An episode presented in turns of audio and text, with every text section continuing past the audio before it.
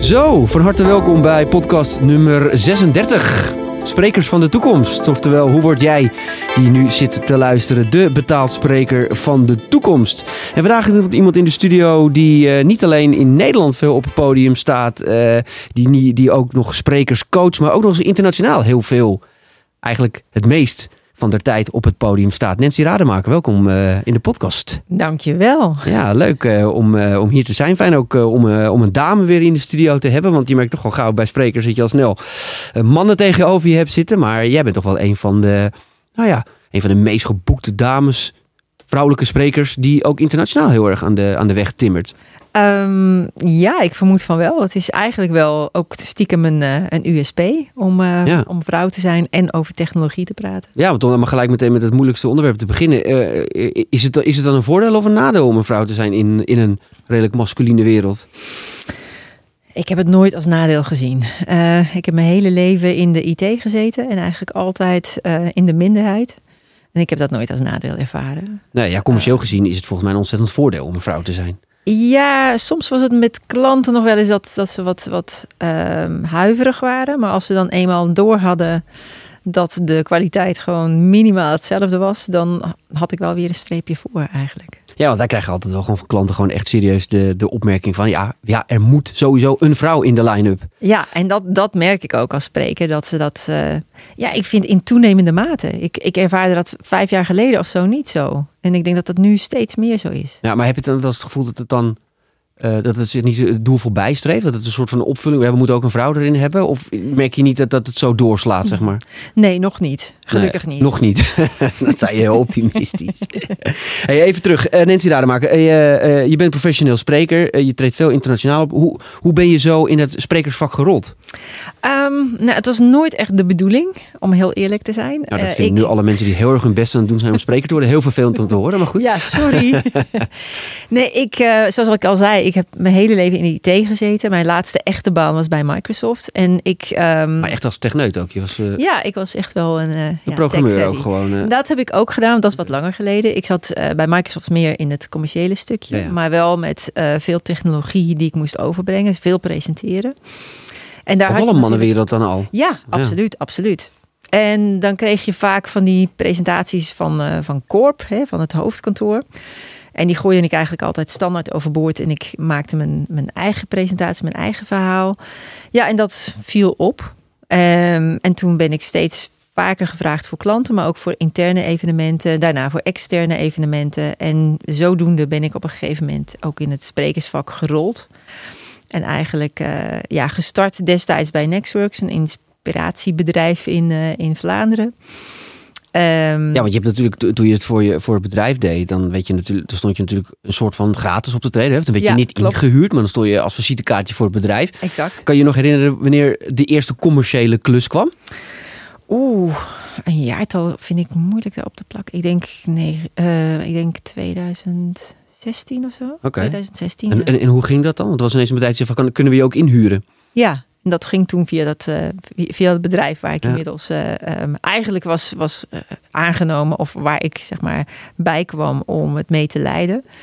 Maar er waren zoveel aanvragen dat al gauw werd gezegd van nou ja, ga, ga ook maar dat podium op. Want dat kan jij wel. En, ja. oh, dus je begon eigenlijk eerst op kantoor, om het zo maar te zeggen, om het, om het bedrijf te helpen opstarten. Ja. Maar uiteindelijk ging het werk zo goed dat ze zeiden van ja, kan je ook niet een lezing geven? Ja, precies. Want blijkbaar precies. heb je daar ervaring mee. Heel snel, dat was binnen een paar maanden. Oh ja. En toen kwam, werd dat zoveel dat, uh, dat het eigenlijk al de rest heeft weggeduwd. En toen ben ik gewoon fulltime spreker geworden. Wat grappig joh. Ja, dat hoor je heel vaak bij tv. Hè? Dat dan iemand op de redactie werkt en uiteindelijk een keer voor de camera geschoven wordt. En dan nooit meer voor de camera weggaat. Maar bij jou is het echt op het podium gebeurd. Ja, en was dat, ook, was dat gelijk een klus in het buitenland toen ook?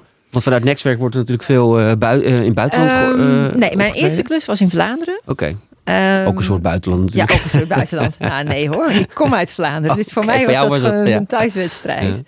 Ja. Um, nee, maar dan daarna eigenlijk al heel snel, um, vooral in het buitenland. Ja. Ja. Want vertel eens, hoe, uh, zit er een groot verschil tussen uh, optreden in Nederland en in het buitenland? We hebben het even over het buitenland, maar jij vliegt echt overal naartoe. Hè? Australië. China, volgens mij zelfs Amerika.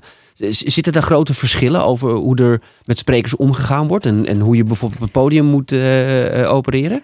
Nou, kijk, als je een klus hebt in het buitenland en ver weg in het buitenland, dan is het meestal wel een groter evenement. Dus ik weet niet of het verschil zozeer zit in buitenland versus binnenland, maar veel meer met grote evenementen versus wat, wat kleinere Ja, of, of, of middelgrote. Want wat vind jij dan een groot evenement? Hoe groot zijn dan de meestal de Eh, evenementen in het buitenland? Ja, dat varieerde tussen de, nou, van 500 mensen tot mijn grootste was 3500. Zo. Ehm, ja, en dan word je wel met veel egaars, zeg maar, ont, onthaald. Bijna, bijna een ehm, soort popsterstatus. Ja, nou, ja, nou, zo zou ik het niet willen Nou, ik trigger je een beetje. je krijgt het er wel uit.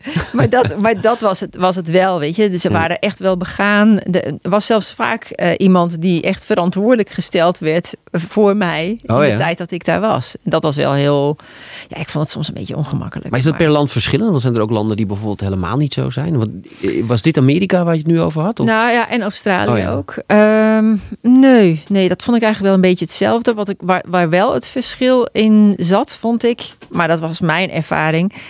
In Amerika, als je eenmaal klaar was met spreken, dan waren ze op, op de een of andere manier ook wel snel klaar met jou. Oh ja? Terwijl in Australië waren ze veel meer begaan met eh, hoe je het verder had en of alles oké was. En eh, ja. En verzorgde je ook wat meer aan, eh, Ja, aan de wel. Ja. zeg ja, vond ik ook wel stiekem een beetje leuk. Ja, natuurlijk. Ja, dat is er ook wel een beetje, hoort er ook een beetje bij. Maar ik, ik, ik heb zelfs eens verhalen gehoord van, van andere collega's over Nextwork. Dat, er- dat jullie soms gewoon zelfs in bussen een soort tour deden in Amerika bijvoorbeeld. Dat je al die verschillende evenementen afging. Nou, dat was meer, dat waren innovatietours. En die Ja. heb ik ook gedaan als moderator. Waarbij we dan echt start-ups en scale-ups gingen bezoeken. Ehm, die relevant waren voor de mensen die met ons meegingen. Oké. Ehm, maar dan was, was ik echt wel meer moderator. Om meer te duiden wat we hoorden en wat we zagen. En de verhalen die ons verteld werden ehm, rondom innovatie. Ja, precies. Want Ja. je meer een beetje een soort verbindende factor, zeg Ja, maar, dan eh, alleen Ja. keynote. En dat vond ik ook super. ja. Wat, wat, wat was je leukste keynote die je ooit gedaan hebt in, in het buitenland? Ehm, hmm. meest bijzondere? Of Nou, de meest bijzondere was eh, op Hamilton Island. Dat is zo'n eh, Bounty Island in eh, Australië. Ja, en dat was gewoon. Ja, de locatie was, was super. Ja. En dat waren, ehm, ik denk, iets van v- 400 mensen die daar samenkwamen voor, dat heette Edge, bestaat ook nog steeds, ehm, zeg maar mensen uit de IT die met elkaar een congres hadden. En ja, de, de locatie was waanzinnig. Ehm, de omgeving, het eiland zelf, ja, het was gewoon wit strand met palmen. Dat was ook waanzinnig. Maar het hele evenement, wat ik zei, de mensen waren zo ehm, begaan met, met mij. En eigenlijk was dat evenement ook de spin-off voor heel veel vervolgopdrachten. Oh ja. Dus in, in dat opzicht denk ik wel de meest bijzondere. Ja. Want er zijn natuurlijk heel veel sprekers die ik tenminste eh, vanuit Nederland spreek. Die zeggen van ja, god, ik zou zo graag in het buitenland willen optreden. Het is ook een soort magie zit daaromheen. Hè? Dat je natuurlijk ingevlogen wordt om een keynote ergens te geven. Vaak zijn de gages in het buitenland wat hoger, Mhm. relatief gezien. Terwijl we in Nederland al niet heel erg te klagen hebben over de, over de fees, om het zo maar te zeggen. Maar eh, in het buitenland wordt het toch nog wel, hè, zeker Amerika, wordt er toch wel flink, eh, flink meer voor betaald. Wa- wa- wat denk je dat het, waarom het zo weinig Nederlandse sprekers lukt om ook daadwerkelijk eh, ehm, ja, in het buitenland ook succesvol te worden? Oeh, dat is een lastige. Want het zijn niet, niet heel veel lukt dat. Terwijl ik weet, toch, toch- ja, ik weet vanuit de ervaring dat er heel veel mensen zijn die het proberen. Ja. Eh, ehm, eh, ja, en dat is vaak toch wel lastig om uiteindelijk die internationale markt aan te boren. Ja, dat klopt. En ik heb natuurlijk het voordeel gehad en het absolute geluk eh, dat ik verbonden was aan Nextworks. Ja. wat vooral al internationaal opereerde. En als je dan op die tours meeging ehm, als moderator, je was toch vooral met C-level op pad. Dat maakte ook wel een, eh, een verschil. Maar ik wil toch ook wel even de, de magie daar eh, een klein beetje downsizen. Ja, graag. Leuk. Gaan vandaag is iedereen ontmoedigen allemaal- om internationaal te gaan. Nee, maar het is toch niet allemaal roze geur en maneschijn. Kijk, Ja, en laten, we wel ja. zijn. Je fee ligt misschien wel iets hoger. Mhm. Maar ik ben ook eigenlijk altijd wel langer onderweg. En Ja, iemand die alleen maar in Nederland praat, kan vaker optreden. He, Ja, voorop, oké, op die vooropgesteld. Ja, dat, je de, ja, dat je ja. de opdrachten krijgt. Ehm, en ja, ehm, weet je, drie weken geleden was ik in Kopenhagen. En dat klinkt ook weer heel erg ja, bijzonder. Hè? Dan Mhm. ga je daar spreken. Dus ik ben daarheen gevlogen. Dat was op de, op de dag dat Schiphol ook al één groot drama was. Dus veel vertraging, midden in de nacht aankomen. En men had een, eh, een airport hotel voor mij geboekt. Prachtig hotel overigens. Maar dat was ook waar het evenement plaatsvond. Oh, oké. Dus het was vliegen naar Kopenhagen Precies. Airport. Daar spreken en de volgende dag weer En terugvliegen. weg. Ja, weinig magisch Nou, aan dan. Ja. nou, precies. Vlieg, ga je ook altijd alleen? Ja. Ja. Nou, ik ben één keer in Australië geweest. Toen had ik meerdere opdrachten. Dus Mhm. een stuk of drie in twee weken tijd. En toen is mijn man mee geweest. Ja, en toen hebben we daar meteen eigenlijk een soort van vakantie van gemaakt. Oh ja, ja dat Ja. logisch. Dat, dat snap ik natuurlijk ook wel. Ja, oké. Dus ja, maar dat hoor je natuurlijk ook wel veel van DJ's en zo die reizen. Van mensen denken dat het altijd heel magisch is. Maar ja, uiteindelijk, je vliegt in. Eh, met, met mazzel blijf je nog in een hotel. eh, Ja. en, en je vliegt eh, als een gek weer weg de volgende dag. Klopt, klopt. is niet dat je overal een leuke vakantie aanplakt van een week. Kan, Nee. maar dan hou je ook weinig geld over. Nee, precies. En ik, en ik vond het in het begin soms wel lastig om daar steeds alleen op pad te zijn. Ik vond vooral eten alleen, vond ik verschrikkelijk. Oh ja. Ehm, en na verloop van tijd dan ga je daar eigenlijk ook wel weer van genieten. Ehm, en want als je alleen in een restaurant zit, dan... Want het is dus niet als je daar dan bent dat je dan met die crew van zo'n congres, dat je daar mee eh lang niet s'avonds- altijd. Nee, soms, precies. Ja. Maar heel soms. Ja, maar ja, lang niet altijd. Als je bent eenzaam bestaan, Nancy. Ja, ik ben heel zielig. nee, ja, het is natuurlijk. Kijk, ik bedoel, en, ik denk dat je er ook een type voor moet zijn. Je moet daar ook van houden. Ja. Je moet van reizen houden. Je moet het Ja. leuk vinden om onderweg te zijn, om, om op, op avontuur te zijn. Laten we, laten we het zo zeggen. Mhm. Eh, als je te veel gehecht aan, je, aan, je, aan, aan thuis bent en aan je vaste ritme en je patronen, dan zou ik het niet meer Nee. aanbevelen om internationaal te willen. Nee, dat gaat ook niet werken. Maar kijk, het is wel zo. Als ik naar, weet je, dat was nog voor corona natuurlijk. Maar bijvoorbeeld ging ik naar Berlijn of naar Praag. En dan ging ik altijd wel een vlucht eerder. Zodat ik daar nog wel een aantal uur in de stad kon rondlopen. Ja, precies. En ja, dat is eigenlijk toch ook wel weer bijzonder. En ik heb tijdens corona ook wel vaak gedacht van... Oh, ik had er veel meer van moeten genieten. Daarvoor, toen het nog wel kon. Maar dat deed ik ook best wel. Dus. Ja, ja, goed. ja, Zo moet je natuurlijk eh, het, het invullen hoe je het voor jezelf leuk maakt. Natuurlijk. Maar ik kan me Ja. voorstellen als je agenda heel vol zit. En ik weet, soms heb jij maanden dat je agenda echt mega vol zit. En dat Mhm. je gewoon misschien wel 10, 15 keer naar het buitenland moet. Mhm. Ja, dan, dan, dan heb je ook helemaal geen tijd om natuurlijk overal maar van de stad te gaan genieten. Dat doe Nee, je ook in klopt. Rotterdam niet. Als je nu in een klus in Rotterdam hebt, blijf je ook niet hangen de hele avond. Nee, dat is waar. En Ja. ik, ik ben, omdat ik ook wel steeds zeg maar, op inhoud mijn presentaties aanpas, ben ik vaak onderweg ook gewoon aan het werk daarmee. Ja. Hey, en ehm, zit er nog verschil in benadering van het publiek? Eh, spreek je op een andere manier in Australië dat je in Amerika doet of, of in China? Is er nog bepaalde eh, omgangsvormen? Zijn er bepaalde normen en waarden waar je rekening mee moet houden op het podium? Ehm, ja, kijk, in Amerika moet je heel erg voorzichtig zijn en vooral geen politieke uitspraken doen. Oké. Zo'n grapje over Trump wordt daar niet gewaardeerd, nee, zeg maar. dat wordt niet gewaardeerd. Ehm, ook geen, ehm, eh, niet vloeken of eh, geen eh, Oh, is dat nog steeds zo comfortabel? Ja? F-piep F-piep woord zeggen Oké. of zo. Dat, dat, dat wordt niet Maar is dat omdat je dan een buitenlander bent, zeg maar? Of Nee, gewoon, dat wordt daar sowieso gewoon niet gedaan? Nee, dat wordt gewoon daar niet gedaan. In Australië vinden ze dat helemaal geen probleem. Daar mag je gewoon de hele tijd allerlei Grove dingen grove zeggen. dingen Oh, ja? zeggen. En dan liggen ze helemaal in het Doe je dat dan ook of niet? Nou, weet je, ik doe dat niet zo van mezelf. Ehm, Nee, maar mocht je een keer slip op de tong hebben, dan is Oh, dat ja. prima daar. Ja, ja of, of dan met een grapje ervan Ja. afkomen, weet je. Maar stel je doet het dan in Amerika en je zegt wel een keer eh, de- het F-word of weet ik Ja. wat. Ik weet dat het zit Ja. niet in jouw vocabulaire, maar stel je doet het. Eh, Hoe merk je aan de zaal dat dan? Is het, krijg je dat gelijk als feedback terug? Ja, dat krijg je gelijk terug. Oh ja? Ja, ja, ik heb één keer in een presentatie... Ik heb een heel klein gifje van, eh, van Trump. Oké. En daar, was dan, daar kreeg ik meteen als feedback. Moet je niet doen, want dat is veel te gevoelig. Oké, wauw. ja, dacht ik van, oh, het ging daar heel, het ging over iets heel anders, weet je. Het, het, het had niet eens met hem te maken. Nee, maar er wordt gewoon niet over gesproken in het Nee, openbaar. nee. Oké, wauw. En, en in eh, Aziatische landen, landen bijvoorbeeld, dan hoor je vaak over business etiketten, dat daar hele grote verschillen zijn. Zijn daar ook verschillen in, in op het podium staan? Nee, dat, dat, dat niet zozeer. Wat ik daar wel merk, is dat die mensen ongelooflijk goed voorbereid zijn ehm, over wie ze voor hun neus krijgen.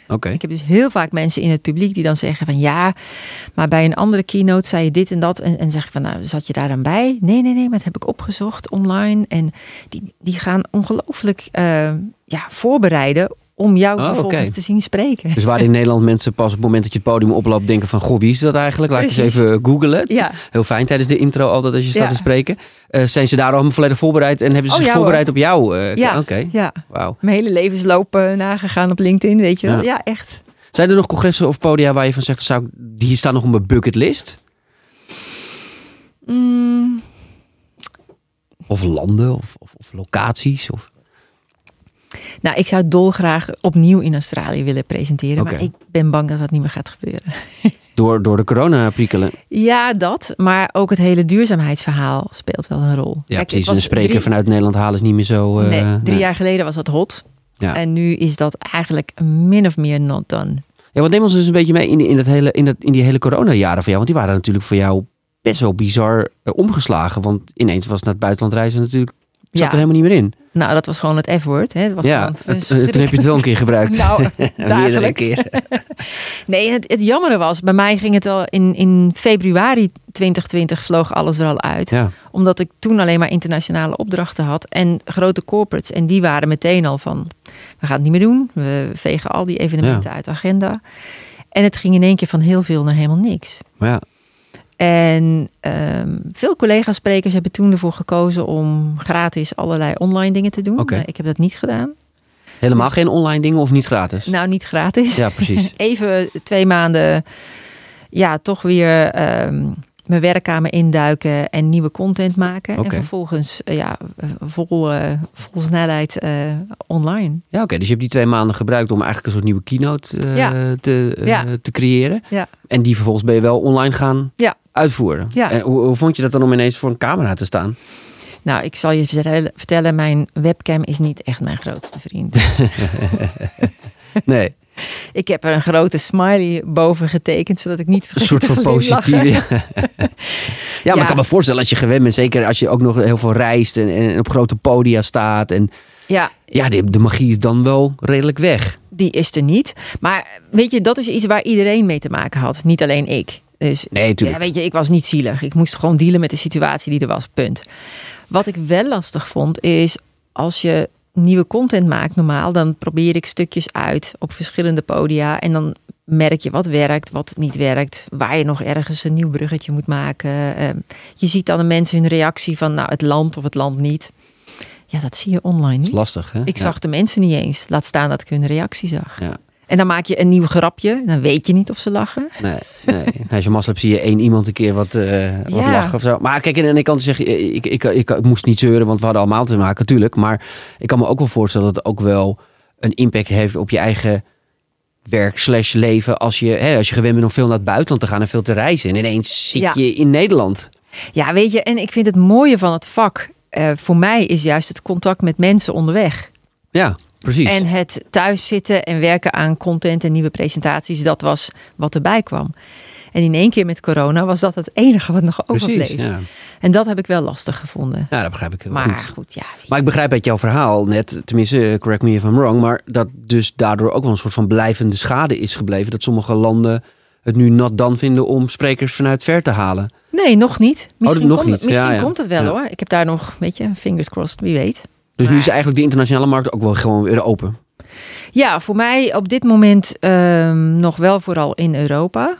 Dan vind ik dat niet zo'n heel groot probleem eh, op dit moment. wel relaxed. Ja. Ehm, maar ik ben benieuwd. Misschien wel in het najaar wel weer. Ehm, ik had er eentje in India en die is al twee keer verschoven. Oké, Nou ja, wie weet mag het nu wel. het is ook een bijzonder land om Het naartoe te gaan, mooi India. zijn. Mumbai. Ja. Ik ben heel benieuwd hoe het daar op het podium gaat. Hey, eh, Nancy, naast dat jij zelf op het podium staat, ben jij ook eh, onder de vlag van eh, de Speakers Club. Ben je zelf ook coach voor sprekers? Ja, Oftewel, je helpt mensen het, het, het vak in. Waarom heb je voor die, voor die stap gekozen? Ehm, ja, ik heb eigenlijk ehm, een deel van mijn ehm, carrière ook in het onderwijs gestaan. Met name toen ik heel kleine kinderen had. En dat vond ik altijd leuk. En dat vind ik nog steeds leuk. En eh, de missie van de, sprekersclub, van de Speakers Club is om sprekend Nederland beter te maken. En dan niet alleen keynote sprekers, maar ook bijvoorbeeld ehm C-level. hè, In, gewoon in bedrijven. Ja, precies. Jullie trainen ook gewoon de directeuren die eh, een speech Ja. moeten geven. Ja, en ik weet gewoon eh, dat daar nog veel eh, te verbeteren Oh ja? valt. Dat is mij nooit opgevallen. moet ik eerlijk zeggen. nee, ja, een fantastische missie denk ik. Want ik denk dat er heel veel sprekers eh, zijn eh, vanuit bedrijven die wel eens een, eh, door de wasstraat kunnen, om het zo maar te zeggen. Ehm, dat klopt. Ja, want, want even, even in een nutshell. Wat, wat vind jij dan, wat maakt een goede spreker? Dat is natuurlijk een rotvraag. Oh, Ja, maar- dat is een rotvraag, want dat is natuurlijk een heel lang antwoord wat daarbij hoort. Nou ja, of Ehm, laat ik het eens anders noemen. Wat, wat eh, eh, maakt sommige directeuren dan slechte sprekers? Hoef geen namen te noemen. Nee, nou dat, dat kunnen heel veel verschillende dingen zijn. Nou kijk, een van de zaken waar wij bij de Speakers Club voor staan... is dat eh, een, een goede keynote speech is de juiste balans tussen content, design en delivery. Dus het betekent de inhoud van je verhaal moet echt staan als een huis, maar moet ook een goede structuur hebben, moet helder zijn voor het publiek. Het design, dus zeg maar een PowerPoint-presentatie met bullet points, dat kan gewoon eigenlijk niet meer. En dan heb je het even over gewoon een opsomming van. Precies. Ja, ja, ja. Ja, weet je, dus je kunt in die visuals die je gebruikt, maar ook in an- andere props die je eventueel als spreker gebruikt, kun je echt wel het verschil maken. Ja. En de laatste delivery is natuurlijk hoe je het brengt. En dat heeft te maken met je stage presence, maar heeft ook te maken met de manier waarop je spreekt. Ehm, het gebruik van je stem, van lichaamstaal, eh, al dat soort dingen. En het is al die aspecten samen die ervoor zorgen dat je ja, wel of geen goede spreker bent. Want wat laat jij jezelf daar ook in coachen? Hoe, hoe hou je jezelf up-to-date met dat, met dat soort eh podium skills? Ja, kijk, ik heb, ehm, ik heb denk ik het meest geleerd van naar mensen kijken die ik zelf heel goed vond als, eh, als keynote spreker. Met name live, niet zozeer op YouTube, maar met name live. Je kijkt vaak ook even nog voor je en na je mee met ja, de andere absoluut, sprekers. Ja. Absoluut. Want er valt altijd nog eh, van alles en nog wat te leren. Ik moet wel zeggen, in de, ehm, zeg maar de programma's die wij draaien, heb ik elke keer nog weer dat ik denk van, oh, wat ben ik toch jaloers op die mensen die wij als deelnemer hebben. Want ik had dat ook graag gewild vroeger.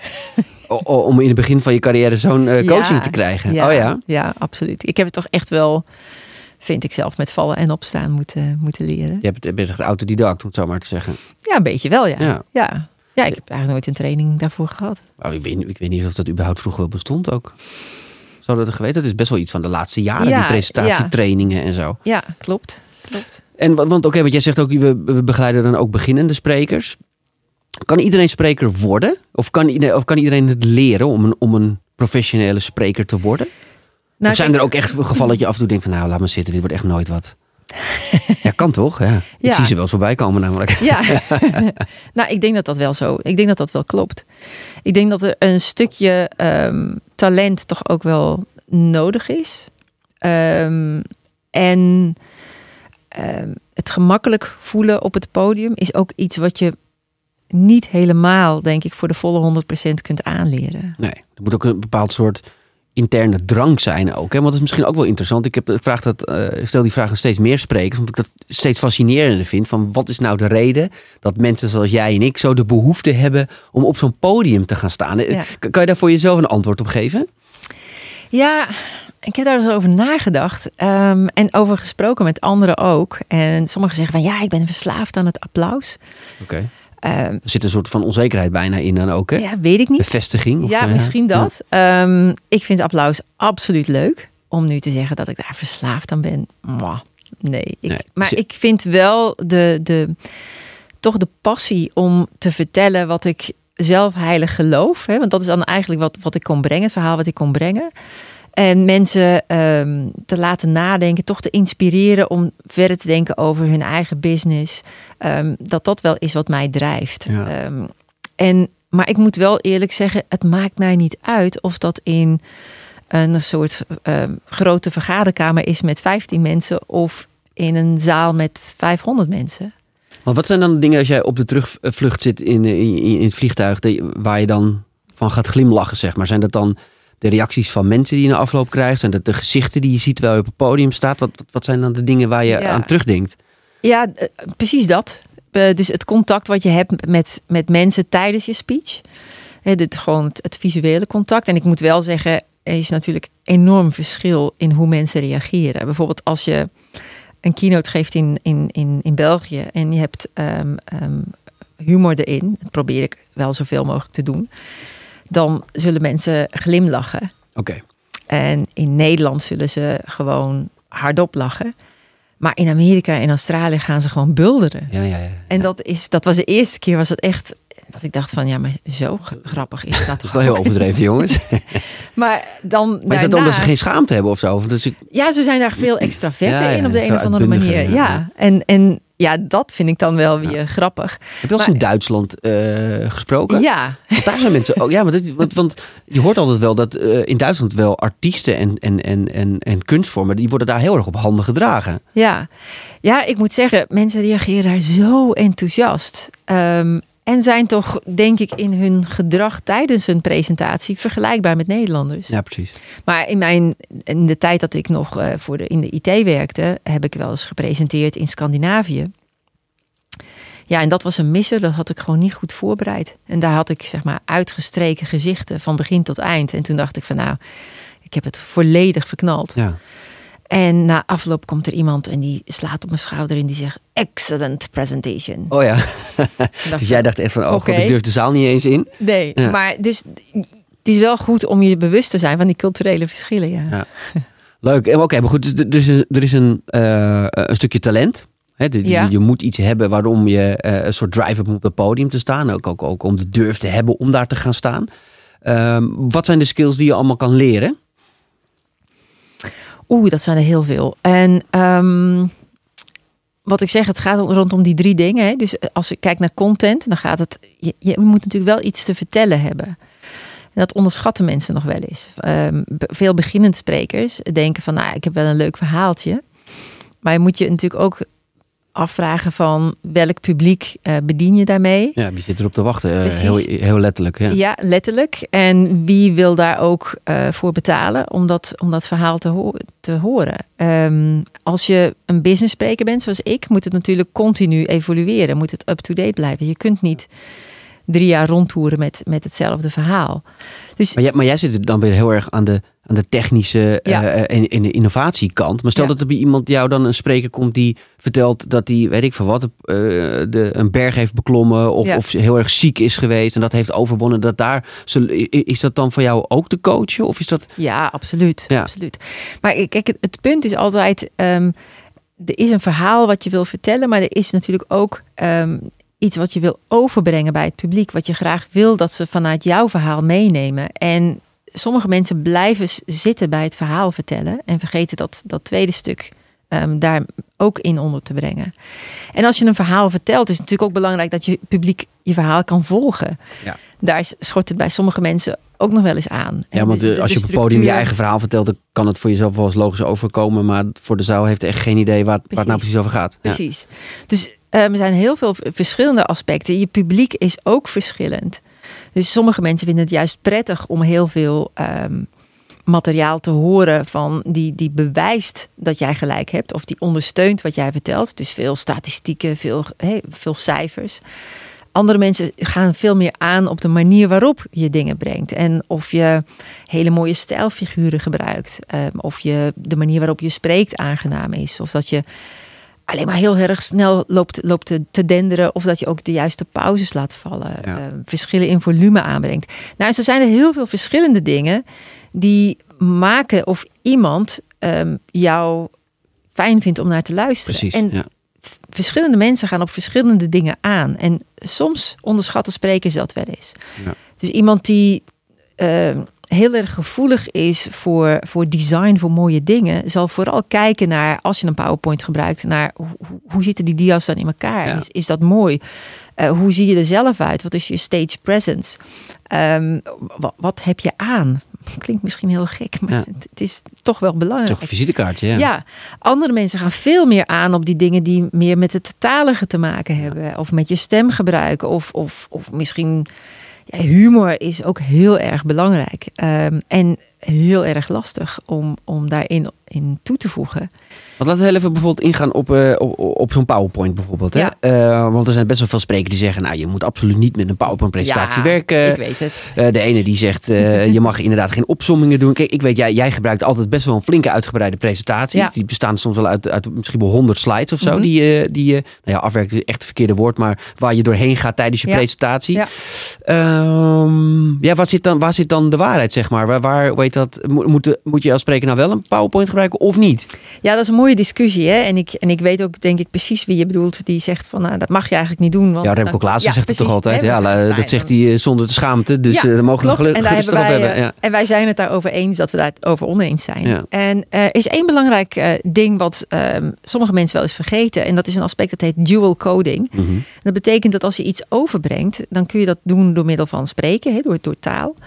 Dat komt op één niveau in je hersenen binnen. Maar als je het visueel ondersteunt, komt dat op een ander niveau in je hersenen binnen. En als je dat op die manier doet, dan onthouden mensen het beter. Ja. Nou, dat is al een, een, een, een manier om ehm, te zeggen, nou weet je, laten we het dan maar vooral wel doen. Ja. Het moet natuurlijk wel ehm, ergens op slaan. Dus de, de, de, de visuals die je gebruikt moeten wel relevant zijn. En ook niet te voor de hand liggend zijn. Nee. En het is altijd wel mooi. Bij de Speakers Club hebben we een uh, gezegde van ja, je moet geen bananenslides gebruiken. Wat we daarmee bedoelen is als je het over een banaan hebt. En je ziet een banaan op de toon dan geen banaan op de achtergrond. want Ja. Dus- Weet je wel 100% zeker dat het over een banaan gaat, maar ja, maar daar is ook alles Ja. mee gezegd. Ja. Maar dus als, het, als je die visuals een beetje metaforisch kan maken, en, en dus dan komt het bij mensen ook anders binnen. Ten, daarnaast gebruik ik bijvoorbeeld heel veel ehm, gifs hè, die bewegen. Ehm, korte videootjes. Kijk, als mensen drie kwartier of een uur naar je moeten luisteren, moet je ze ook wel er bij blijven houden. En dat is een kunst. En als jij dat feilloos kan zonder PowerPoint-presentatie, ehm, dat, is, dat is prima. Mhm. Maar ik heb ooit een keer, ehm, dat was natuurlijk ook voor de pandemie, dus dat was 2019 zijn- geweest, op een podium gestaan met iemand die, eh naar eigen zeggen, heel veel in Silicon Valley deed. En daar was de nieuwe hype, was inderdaad presenteren zonder PowerPoint. En die gast had een ongelooflijk goed verhaal over ehm, artificiële intelligentie. En ik dacht van achteraf van, nou, als je nou wel slides had gehad, dan was het echt drie keer zo goed eh, binnengekomen.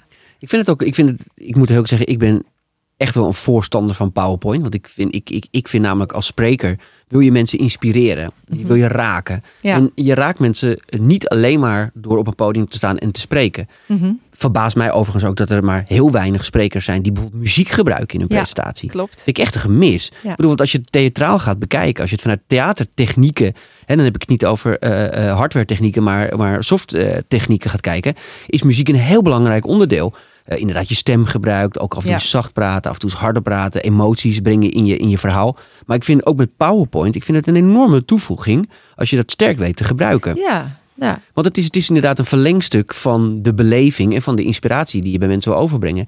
Kijk, de, eh, Remco is natuurlijk gewoon een begenadigd spreker. Mhm. En dit is natuurlijk gewoon een wervelwind aan energie. En die kan mensen heel erg meenemen in hun, in hun verhaal.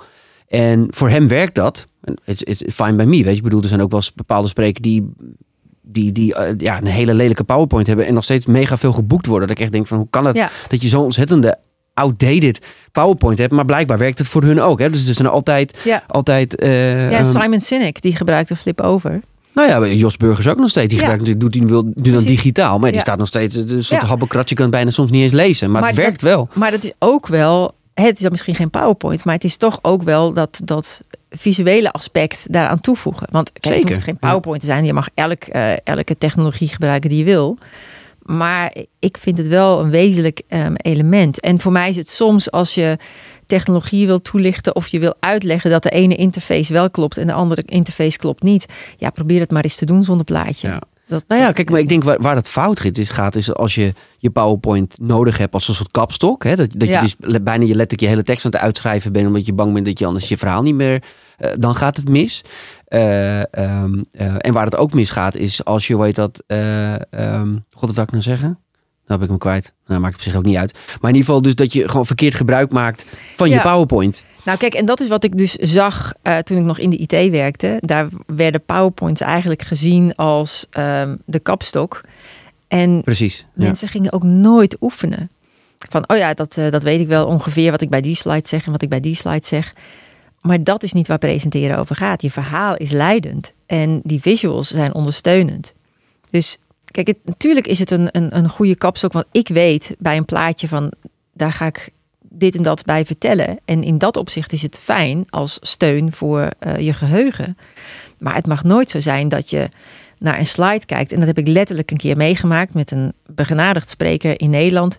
Die letterlijk op het podium stond en zei van oké, wat zal ik nu weer eens bij deze slide vertellen? Ja, Mooi. dat kan niet. Nee, nee dat, is, dat, is, eh, dat is nou dan. Laten we daar niet voor ophouden. Ehm, tot zover de discussie over presentaties. Ehm, hoe, ziet zo'n traject eruit als je aan, de gang gaat met een spreker? Hè? Stel dat er nu een spreker zit te luisteren en denkt van... God, ik zou eigenlijk wel dolgraag gecoacht willen worden door die club. Hoe, gaan jullie met zo'n spreker aan het werk? Wat, wat is het traject waar je ingaat? Nou, ehm, wat we vaak zien is dat er nog niet echt een verhaal staat. En dan om in het, eh, het programma te komen, dat heet Talk Like a Pro, is het wel van belang dat dat er wel staat. Dus dat soort mensen gaat eigenlijk meestal een traject in van wat wij dan custom coaching noemen. Waarbij we aan de slag gaan om eh, het verhaal mee op punt te zetten. We hebben ook eh, tekstschrijvers die voor ons werken. Ehm, dat is als eerste. En dan hebben we wel een soort van screening ehm, aan het begin. Dus we laten iemand ook een, een video opnemen van pak een beetje 10 minuten van, van zijn presentatie. En daar moeten wij wel wat in zien. Dus Ja. eh, er zit wel nog een. een Oké, dus niet iedereen kan zomaar Nee. het programma in. Er moet Nee. wel een soort van kwaliteitseis Ja, exact, zitten aan exact. vast. Ja. Oké, en iemand is er doorheen. Jullie denken, nou, daar kunnen we wel wat mee. Eh, Ja. hoe, hoe gaan jullie dan aan de slag met diegene? Nou, dan we hebben een heel programma, dat traject. Ja, met corona duurde dat soms wat langer dan we eigenlijk van tevoren Ja. hadden bedacht. Snap ik. Eh, we hebben een aantal fysieke eh, momenten waar we bij, bij elkaar komen. Maar het doorlooptraject is rond de vier, vijf maanden. Waarin ze dus met al die drie aspecten, met content, design en delivery, aan de gang gaan. En waarbij we als professionele sprekers hen gaan coachen. Ehm, en dat is, Dus dan staat iemand echt letterlijk gewoon zijn presentatie op het podium te doen eh, voor jullie, Ja. zonder publiek. Ja. Kan me zo voorstellen. Ja. Wat natuurlijk ontzettend ingewikkeld en moeilijk en spannend. En, en, eh, Ja. ehm, en dan gaan jullie hem beoordelen. Ehm, Of ja. helpen, coachen. Ja, ja, ja. Dus wat, zoals wij dat vaak zeggen, genadeloos liefdevolle feedback geven. Ja, precies, ja. dat is een hele mooie. Ja, ja. hey, want we zijn bijna eh, door de tijd heen. Het gaat altijd razendsnel eh, als je eenmaal over het vak aan het eh, praten bent. Ik denk dat we nog wel eens een keer een vervolgpodcast moeten inplannen... om nog wat dieper ook echt op die, die stage skills in te gaan. Hè? Van wat, wat, wat komt er nou nog meer bij kijken? Want ik vind er ook wel podiumgebruik. Wat, je- wat je had het over ademhaling, eh, stemtechnieken. Weet je, daar kunnen we nog wat dieper op, eh, op ingaan. Absoluut, ja. Als we zouden moeten afsluiten en je zou eh, voor, de, voor de beginnende sprekers die naar deze podcast zitten te luisteren, wat, wat tips moeten geven. Nog een Mhm. paar concrete tips om, om, om dat vak in te gaan. Wat, wat zouden dat dan zijn? Nou, een van de dingen die ik nog wel eens mis bij beginnende sprekers, is dat ze gewoon heel veel kilometers moeten maken. Ja. Dus overal waar je kan spreken, en natuurlijk is dat in het begin om niet, maar Ja. overal waar je kan spreken, ga dat doen. Ga gewoon heel veel kilometers maken als spreker op, ja, waar dan ook. Ja, dat is gek, hè? want bij, heel veel, bij, bij de meeste andere kunstvormen is dat heel normaal. Hè? Dat je weet dat eh, als je zanger bent, ga je op elk feestje waar je kan zingen, ga je zingen. Ja, Maar voor een spreker is dat toch weer altijd ja. wat lastiger. Ja, en dat vind ik een heel belangrijke. En daarnaast ook, ga ook naar heel veel sprekers kijken en probeer te achterhalen waarom bepaalde dingen werken voor het publiek. Ehm, kijk ook heel, heel veel YouTube-filmpjes. Is natuurlijk een beetje tricky, want dat zijn niet altijd de beste. Maar goed, de, filmpjes die heel vaak eh, bekeken zijn. Ga eens voor jezelf na. Wat werkt hier? Ehm, en, en dat is wel heel erg belangrijk. En vooral continu aan je eigen verhaal blijven schaven. En ik de, de, de allergrootste fout die sprekers maken, ehm, en die heb ik in het begin natuurlijk zelf ook gemaakt, van, oh ja, hier ga ik wel eh, dat en dat bij zeggen, ja, dat komt wel goed. Eh, en mijn eh, motto is nog Totdat je steeds, er staat. precies, en mijn motto is nog steeds oefenen. Maar schrijf je het Oefenen, helemaal uit? Je? Ehm, ik schrijf het niet uit, maar ik oefen het wel eh, oké. hardop. En dan op een gegeven moment dan bepaalde... Je zou het wel kunnen uitschrijven in je, Ja, zeg maar. absoluut. Ja, absoluut. precies. En Ja. bepaalde loopjes zitten er dan in. Maar ga ook nadenken over hoe je de verschillende onderdelen van het verhaal logisch aan elkaar breidt. Want het, het, moet, het moet vloeiend zijn. En daarin zie ik nog wel bij sommige eh, mooie uitdagingen. Ja, en inhoudelijk, want ik, ik zie ook wel veel sprekers altijd komen en denk ik, ja... Kijk, is er een bepaald punt dat je kan zeggen, oké, je bent ergens een expert in of niet? Hè? Want ik heb best wel vaak mensen die dan, ja, dan hebben ze, zijn ze ergens tegen aangelopen. Ik zeg maar even, ze hebben een burn-out gehad. En nou, daar hebben ze heel veel boeken over gelezen. En uiteindelijk hebben ze dan zichzelf weer, weer op de rit gekregen. En ik zo, ah, dat vind ik tof, daar wil ik met andere mensen over praten bijvoorbeeld. Ja, Ik, ik vraag me altijd af, want je merkt dan toch altijd wel, is het verhaal dat flint te dun. Zit weinig onderzoek Mhm. achter. Er zit weinig, ja, van oké, ja, het is goed dat je bij jezelf heeft gewerkt, maar waarom moet dit andere, voor anderen ook werken? Zit er een bepaald punt dat je kan zeggen, ja, maar nu ben je ook echt een expert en nu kan je ook dat podium op om die rol te pakken? ja ik vind dat dat eh, afhangt van de feedback die je, die je terugkrijgt. Ehm, ik heb mezelf nooit uit mezelf als expert gepositioneerd. Ehm, ik denk dat dat ook wel weer met vrouw zijn te maken heeft. Wij zijn, denk ik, traditioneel wat bescheidener. Oké, ja, ja, ja, touché, ja. Maar ehm, van het moment dat je terugkrijgt dat mensen dat zo ervaren, dan, dan weet je van ik zit op de goede weg. En daarom zeg ik juist heel veel spreken en ook aan mensen gewoon durven vragen van wat heb je hiervan opgestoken? Heb je hier überhaupt iets van opgestoken? Wat heb je gemist?